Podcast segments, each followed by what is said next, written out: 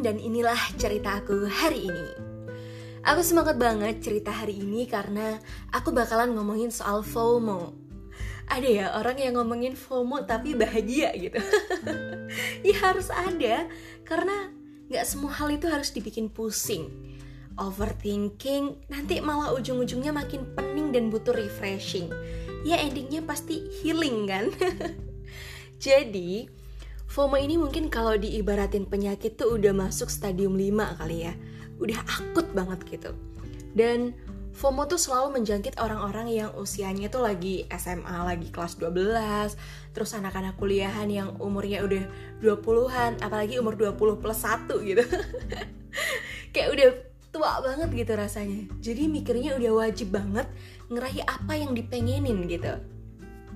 Nah, Aku yakin nih, nggak cuman aku aja yang selalu ngerasa ketinggalan gitu sama orang-orang lain. Entah mereka yang cepet banget jalannya, atau kita yang lambat banget, atau bahkan justru sebenarnya kita tuh jalannya normal-normal aja. Tapi gara-gara ngelihat mereka yang sat-set-sat-set gitu, jadinya kita nih pening. Terus nih otak kayak di push buat mikir sampai over gitu ya. Gimana nih caranya biar aku bisa kayak dia? Kayak dia tuh keren banget gitu loh. Belum umur 20 tahun tapi pengalamannya tuh aduh gila banyak banget. Sementara kita ngejalanin hidup tuh ya kayak gini-gini aja. Kayak normal life biasanya.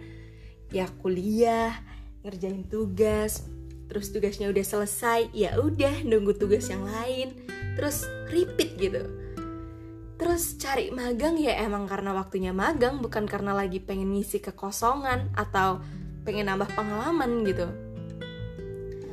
Tapi di satu sisi ngelihat orang lain yang bisa multitasking gitu ya sambil magang sambil kuliah terus sambil organisasi jalannya tuh bareng-bareng dan kelihatannya tuh lancar-lancar aja sometimes tuh bikin aku mikir nih sebenarnya ada yang salah nggak sih sama aku?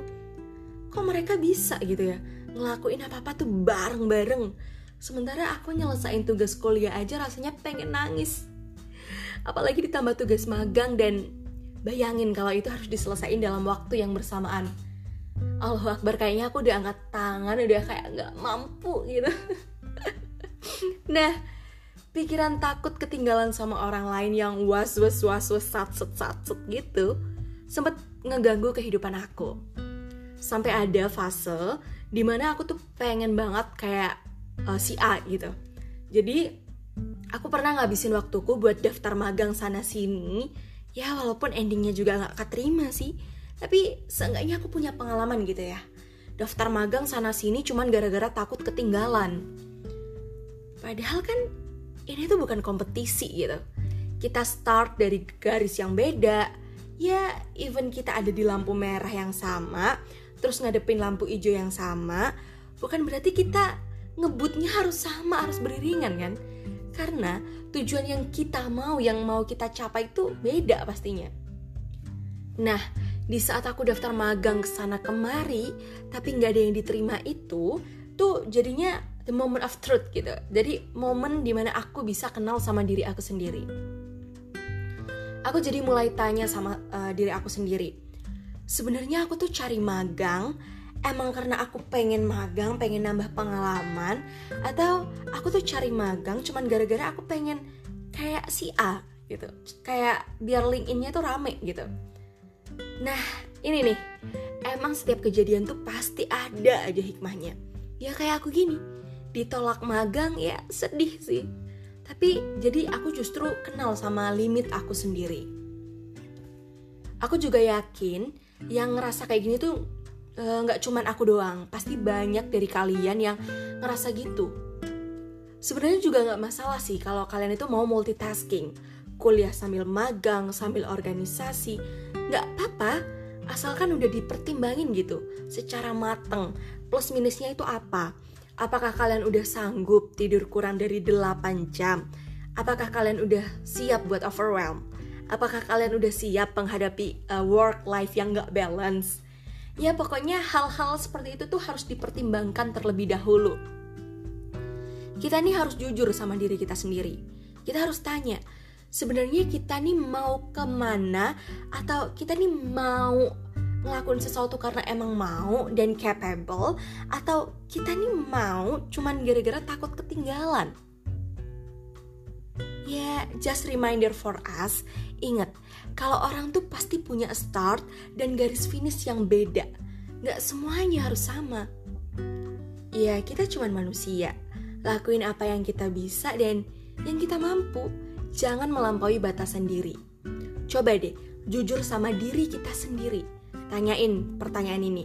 Pertama, selama ini aku bisa nyelesain tugas-tugas kuliahku dengan baik nggak ya? Kedua, kalau aku tidur kurang dari 8 jam, aku bisa sakit nggak ya? Nanti efeknya apa nggak ya? Ketiga, kalau aku lagi overwhelmed, aku ngadepinnya gimana ya? Keempat, kalau aku lagi dapet tugas A, terus tiba-tiba muncul tugas B, C, D, aku ngebagi waktunya tuh gimana ya? Nah, pertanyaan simple kayak gitu itu tuh bener-bener harus dipikirin jangan ngobrol sama orang lain terus ajakin diri sendiri nih ngobrol. Diem gitu di kamar sambil merenung. Atau kalau aku sih sambil nulis gitu. Apa pun yang ada di pikiran aku yang muncul aku tulis. Semuanya di buku. Nah jadi aku harus uh, ngejawab sambil kayak lagi ngerjain ujian gitu. Nah terus nih poin pentingnya adalah kalau emang kamu keganggu sama aktivitas teman-temanmu yang satset-satset bisa multitasking itu, ya berarti kamu harus kurangin lihat aktivitas mereka. Coba mute Instagramnya, gak usah kepoin dia. Karena yang terpenting itu ketenangan. Kayak buat apa Yura Yunita bikin lagu tenang kalau nggak ada maknanya gitu kan? Pokoknya intinya tuh nggak usah terburu-buru. Yakin aja, semua tuh pasti ada waktu dan tanggal mainnya. Terus, kita itu harus bener-bener kasih afirmasi positif ke diri kita sendiri. Kalau semua yang kita lakuin pasti akan ngebuka jalan buat kesuksesan yang kita mau dan kita butuhkan. Karena ya kita percaya aja bahwa diri kita itu bisa dan kita punya Tuhan yang selalu ada. Aku selalu bilang sama teman-teman aku, tenang, aku punya backingan, backinganku Allah. ya karena kalau kita udah percaya sama Tuhan, ya pasti semua tuh bakalan lancar dan kalau kalian bilang, ya kan juga butuh ikhtiar buat raih keinginan kita. Dan ini nih masalahnya, yang kalian pikir ikhtiar tuh cuma sebatas kerja, kerja, kerja. Kalian pikir gak sih kalau kuliah itu juga termasuk ikhtiar. Kalian ngerjain tugas, nyelesain tugas dengan tepat waktu, kerjain skripsi secara rutin, rajin bimbingan, itu ikhtiar, itu usaha. Usaha itu bukan berarti harus ngehasilin uang. Kalian bisa nyelesain tanggung jawab buat kuliah, itu juga udah termasuk ikhtiar, udah termasuk usaha gitu. Kalian juga capek mikirin tugasnya dan ya ya udah semua tinggal serahin ke Tuhan. Usaha juga ada waktunya kan? Ya sekarang analoginya nggak mungkin kan anak TK udah harus belajar buku buat persiapan SBMPTN. so, jadi intinya adalah Buat kalian yang lagi takut ketinggalan sama temen-temennya, udah stop mikir kalau kalian itu lagi ketinggalan. Gak ada yang namanya ketinggalan. Dan gak cuman kalian sendiri kok yang lagi ada di fase itu. Ada berjuta-juta orang yang lagi berdiam di fase itu. Kalau mau ngelakuin sesuatu, ya harus dipikir dulu. Aku bisa gak ya buat ngelakuin ini semua? Bukan malah mikir, aku bisa gak ya kayak dia? Karena sekali lagi, semua orang punya waktunya sendiri-sendiri. Dan sekecil apa pun usaha kamu hari ini, yaitu udah termasuk progres yang sangat baik. Percaya aja, kalau kamu itu pasti bisa dan bakalan dapetin hal yang emang ditakdirin terbaik buat kamu.